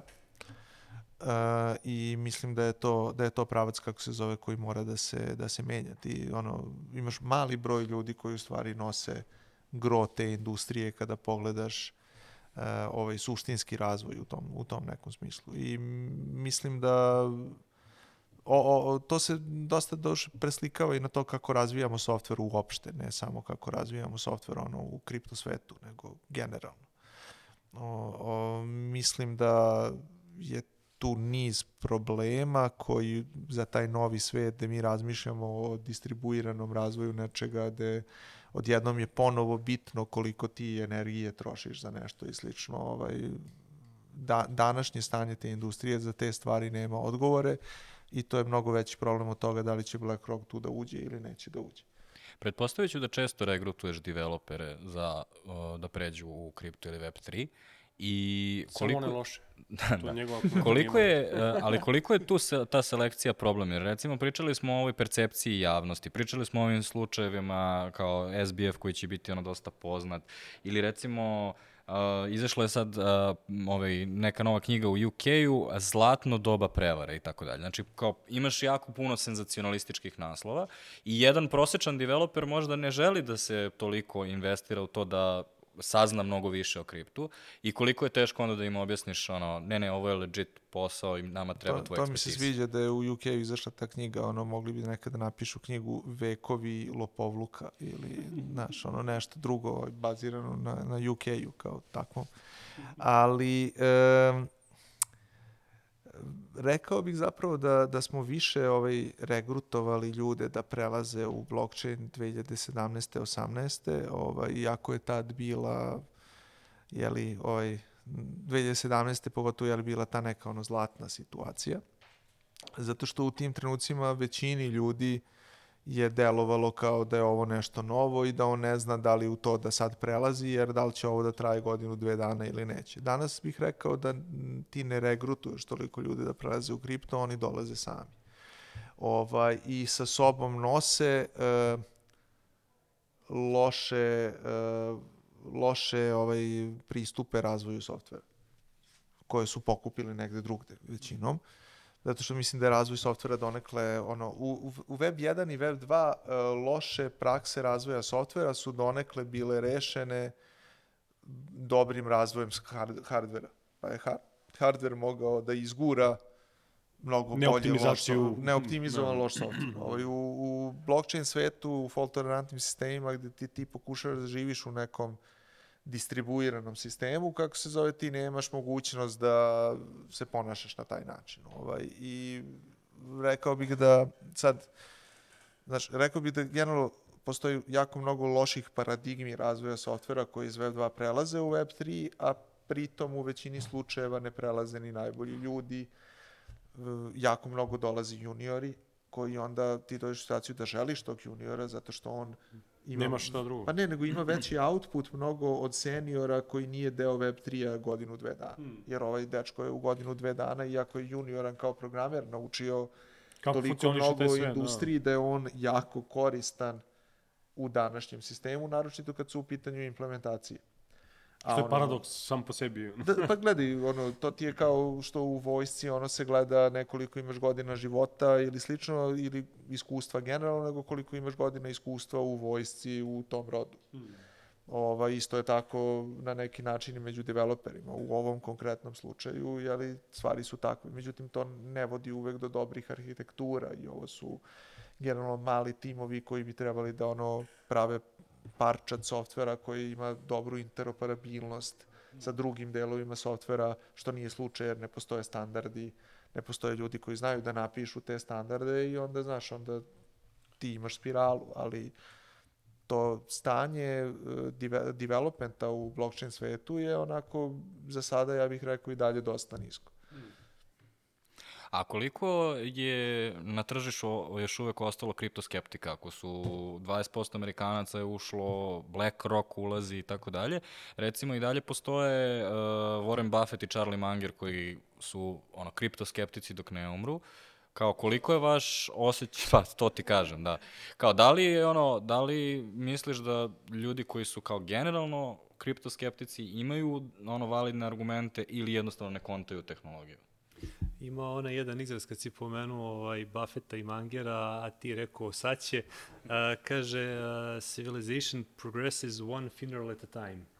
Uh, što negde kaže da mora, mora da se da se uradi ta smena generacija da bi se nešto novo zaista prihvatilo i mislim da je zaista iluzorno očekivati od ljudi u 90. godinama, pa makar bili genijalni investitori, da skapiraju nešto ovog tipa, a s druge strane pitanje je koliko im je u interesu da skapiraju, verovatno baš i nije previše. E, tako da, m, da, e, ima, ima i dalje dosta, dosta skeptika vezano za, za kripto, ali nekako što duže kripto odbija da umre, to je teže biti skeptik i reći ovo će definitivno da propadne.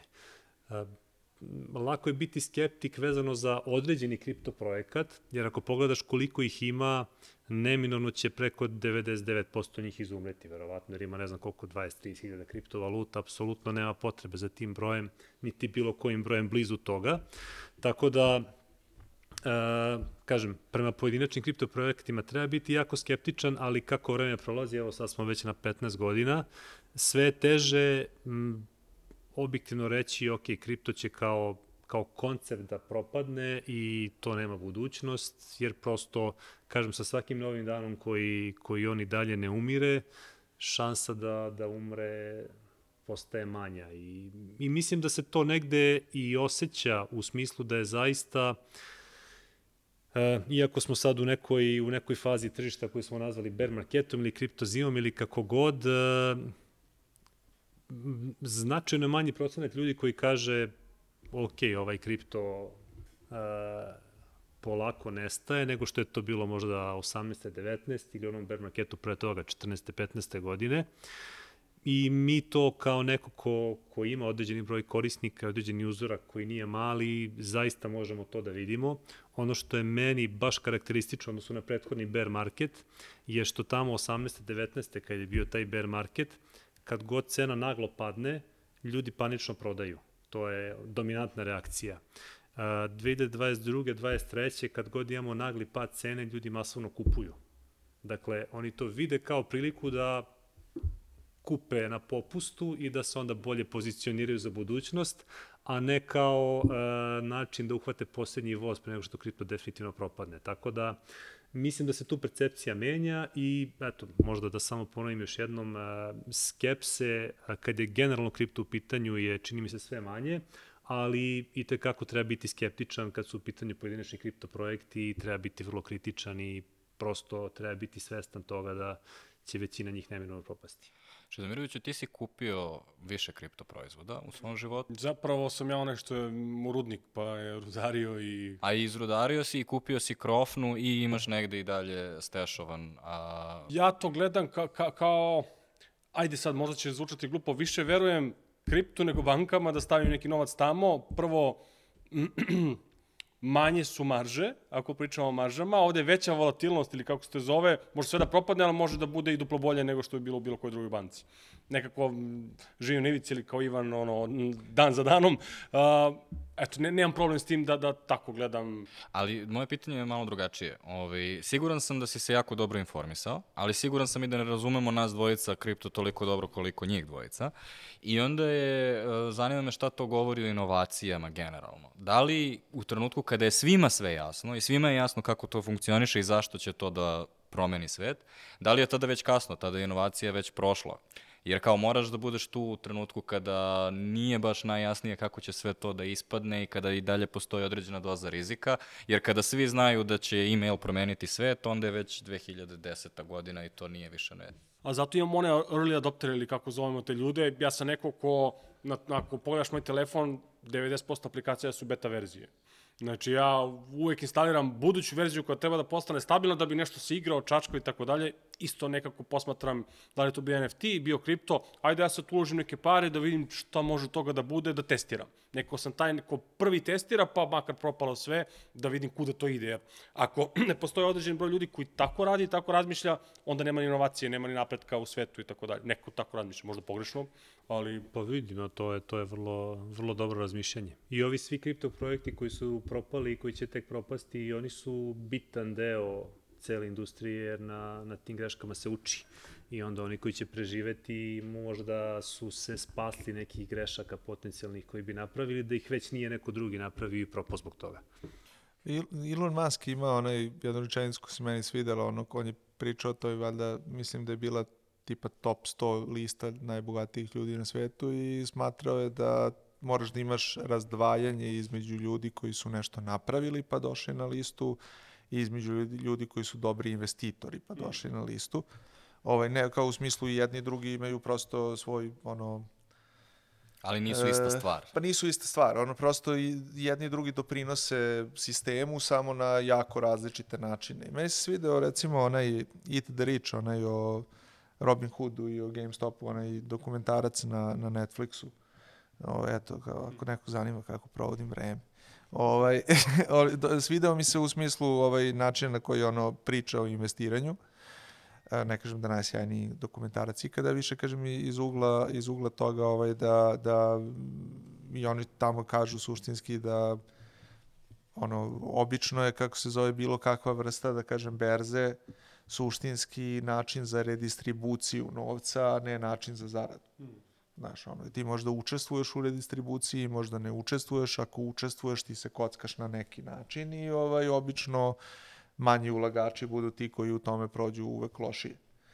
I to je meni interesantno iz ugla ovoga što ste rekli recimo za, za ovaj Vorena Buffetta i Charlie'a Mangera. Oni su vrhunski investitori, investirali su stvari koje razumeju, ali na kraju dana on, oni su sa svojom generacijom, kao neko s time bavio, uspeli da razumeju određene poslove i berzu. I sad, zašto kažem i berzu? Zato što berza je tebi suštinski abstrakcija tržišta. I sad, pre, mislim da ima sad dve, tri godine, da je njujorška berza kupi, e, e, ovaj, to jest njujorška berza ovih featuresa, futuresa je kupila njujoršku berzu. I sad, znači, te imaš onu situaciju da tebi i očigledno ra, raspored kapitala takav da tebi abstrakcija, abstrakcije tržišta kupi abstrakciju tržišta. I, I da su jedna i druge suštinske veće od tržišta. I ovaj, iz tog ugla gledano, ono, tu će neko da izgubi.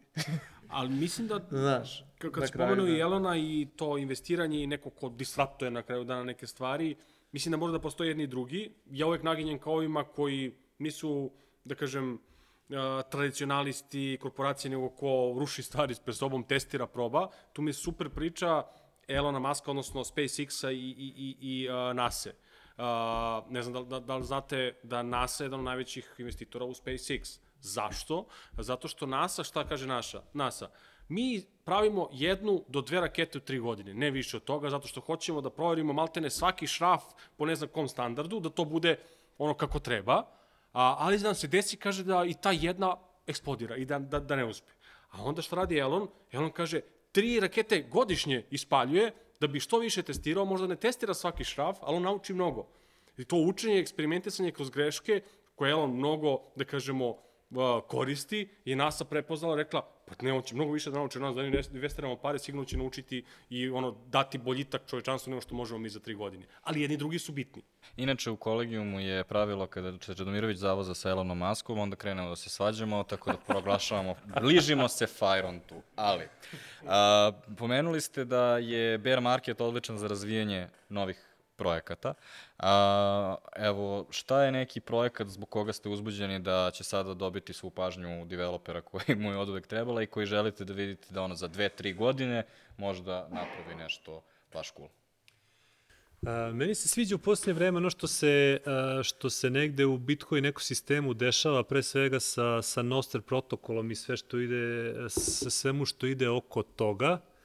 A, to je, ne znam kako bi ga nazvao, a da, a da ljudi možda a, lako to razumeju, ali recimo kao neka, kao neka decentralizovana društvena mreža, da tako kažem, i mm, kao odgovor na, na to što na trenutno postojećim društvenim mrežama ti imaš ozbiljan problem sa cenzurom već i koji negde ne deluje da će da nestane. I pro, praktično napravljena je cela cela jedna platforma gde ti imaš, gde nemaš taj ho, centralizovani hosting sadržaja, već imaš to na neki distribuiran način i to je nešto što, što deluje dosta zanimljivo. Naravno, što se adopcije tiče, nije to nigde ni blizu Twittera ili bilo čega sličnog trenutno, ali to su negde neke stvari koje, koje mi se sviđaju i za koje bih voleo da zažive malo ozbiljnije. I eto, nek ostane na tome sad da ne dužim previše ja lično mislim da i ovo što sam spomenuo sa bridževima i sve ono slične aktivnosti vode ka tome da ćemo imati sve više i više projekata koji se bave interoperabilnošću dva različita blockchaina. Ovaj, lično nekako volim IBC kao takav, ovaj, koji je došao iz kosmosovog ekosistema, pa eto, nadam se da će se on tome naj, najbolje prilagoditi.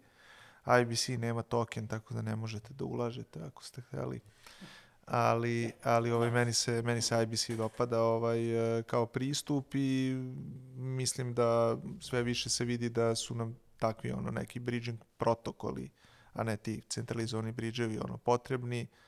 Ne mora se desiti da će IBC to rešiti, ali, ali neko verovatno hoće na sličan način. Da li razvijate nešto tako vi?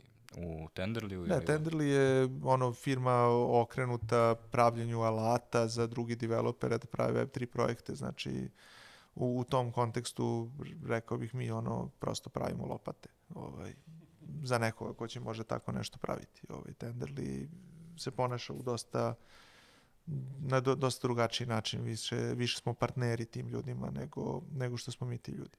A sada pitanja sindikata, uvodničar Drug Čedomirović. Hvala duže Gorane, drugovi Aleksandre Ivane. A, svašta nešto ljudi pitaju na, na ovim internetima, je li tako? Čudna jedna pojava ta internet, ali ima svašta nešto zanimljivo. Pa tako Vuk Stanković na LinkedInu pita sledeće. Koji procenat kripto startupa je bio neka ponzi šema i koliko ih je procentualno propalo i da li je taj procenat odskačao startupa u tradicionalnim granama IT-a? Da li imate neke, neke podatke? Znači, koliko je bilo Ponzi šema i da li je procenat sličan kao u startupima koji nisu kripto. E pa meni se prvo dopada ova, ova uh, ideja da je bio Ponzi šema, u smislu, pošto može znači da je propao, može znači da je bio Ponzi šema pa prestao da bude. Ovo, ovaj, to, bi, to bi u stvari bilo zanimljivo istraživanje. Uh, pa ne znam, znači rekao bih da, da mnogi sigurno jesu. Ovaj, ja imam donekle tu neki problem sa tim definicijama šta je ponzi šema, šta je ono obična prevara, nekako želimo u sve da dodamo taj ponzi deo ovaj, iz nekog, da, da, nekog. Da zvuči gore. Zvuči bolje kad je kao ponzi, kao po nekom smo nazvali ovu vrstu. Da fina je.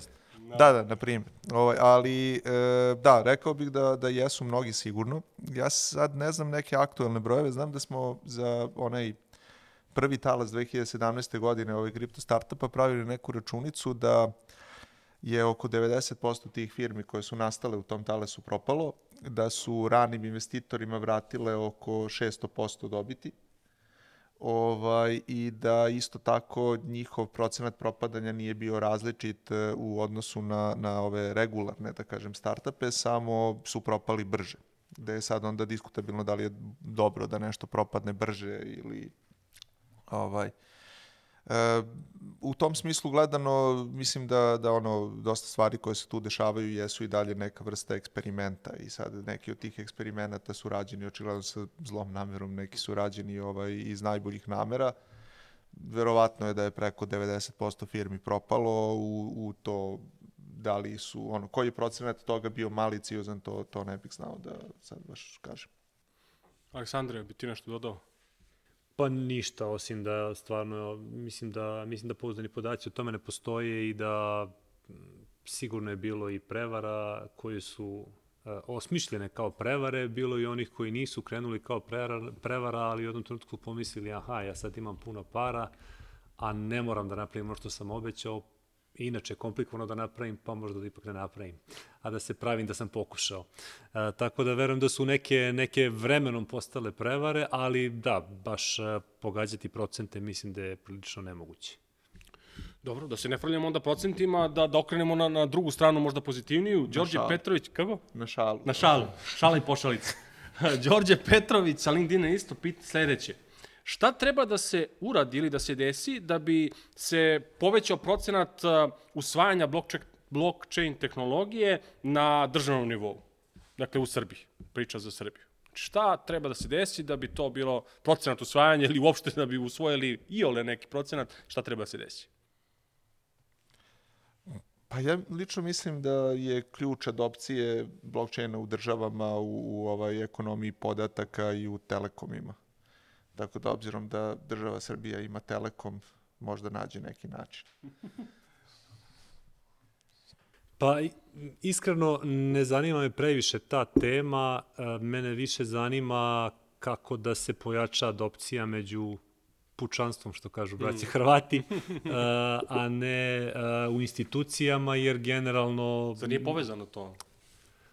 Pa, Ako e, usvoji država, usvojit će mnogo širi spektar ljudi, ili tako? Pa, usvojit će ga možda ne nužno na pravi način. Mm -hmm. Tako da ja bih radije da guram ovu adopciju e, među ljudima, a da, da država to a, prihvati nekim, nekom svojom dinamikom. Ne, vid, ne vidim potrebu da, a, da se na to fokusira previše napora, energije, bilo čega.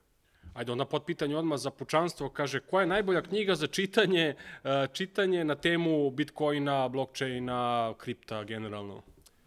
Uh, pa imaš a, recimo Bitcoin standard od Seifedina Amusa, a, koji je ovako dosta, dosta popularan i stvarno dosta dobar, vrlo pitka literatura za nekoga ko ne mora nužno da ima neko posebno predznanje ni o Bitcoinu, ni o, ni o ekonomiji.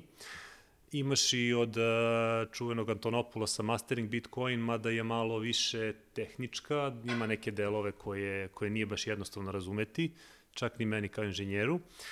I imaš sad tu puno nekih knjiga koje nisu možda direktno povezane sa, sa Bitcoinom ili sa blockchainom, a koje se nekako dobro naslanjaju na to. Ono što je meni pomirilo mozak potpuno, na primjer, što mogu toplo da preporučim, Lila se zove. Sjajna knjiga, uh, nije, nije o kriptu jer je pisana mnogo pre nego što je kripto nastao, ali nekako mi se jako lepo, i lepo uklapa u, u čitavu tu ideologiju i čitavu tu čitav taj neki narativ oko kripta da, da stvarno toplo preporučujem i generalno mm, naterala me da malo ono, preispitam da li, da li kapiram sve to oko sebe na pravi način. Tako da eto to je nešto, ako treba da izdvojim. Mogu ja da uletim sa jednom teorijom zavere koju sam upravo shvatio? Vi, ovaj, gledam tvoje šolje koje si nam doneo, piše 31.10. Znači, Bitcoin white paper Da. je izašao na noć veštica, dan kad se svi maskiraju nešto što nisu. like, wow! Kako znaš da nisu? Ne, da, upravo. Proof of, imaju proof of stake. Postoji, postoji zanimljiva stvar vezana za taj datum, e, ne znam koji, e, koji medij je to objavio, ali jedan od ovih najpoznatijih, da li možda CNN ili, ili tako neki, baš na taj datum je objavio članak gde je e, čitav oktobar 2008. nazvao crvenim oktobrom, zato što je to bio najgori mesec na berzama još tamo od 30. godina prošlog veka kad je bila čuvena velika depresija i negde više se, više se na toj simbolici insistira nego na ovoj, ali zanimljivo je sad i ovo što ti kažeš, prvi put da, da vidim da neko povezuje te dve stvari. Pa zato što mi je, danas je taj datum i gleda u mene ovde. Ivane, za pučanstvo neka Pa da, ti knjiga... okrenemo ovako onda.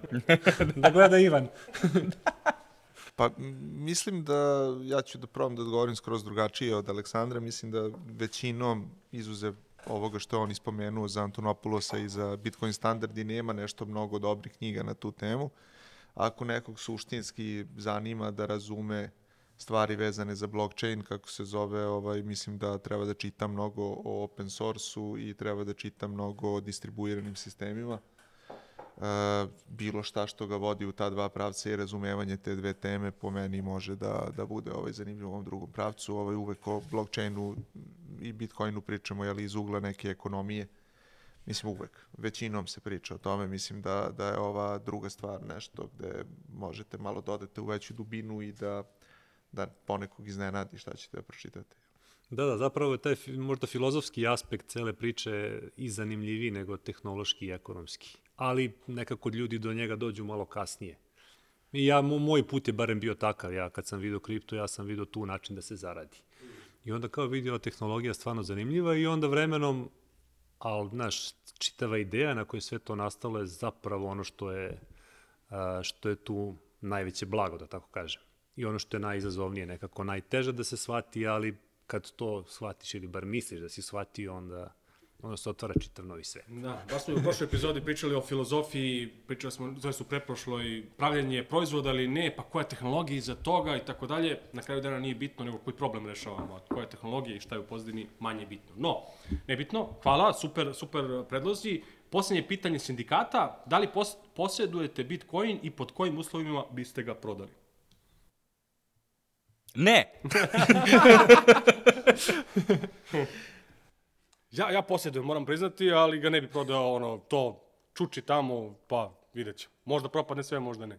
Ja pa sam vidi, tamo, ta, tamo gde ga ti čuvaš će izvesno propasti, kad tam moraš da ga pomeriš na neko bezbednije mesto. E, da, pa evo, ja, ja sam imao razne faze tu gde sam pokušavao jedno vreme i da tradujem malo aktivnije, pa onda da tradujem malo pasivnije, to jest malo ređe, ali opet da pokušam da uhvatim neke, neke tu cikluse, ali sam, sam batalio sve to i sad sam u fazonu neću da prodajem osim ako mi baš trebaju pare i ne mogu, ne mogu iz drugih izvora da ih, a, da ih nađem, nego sedim, čuvam i, i ovaj, ideje da, da ostavim deci nešto, pa pa da oni spiskaju, glupo ja da spiskam sve.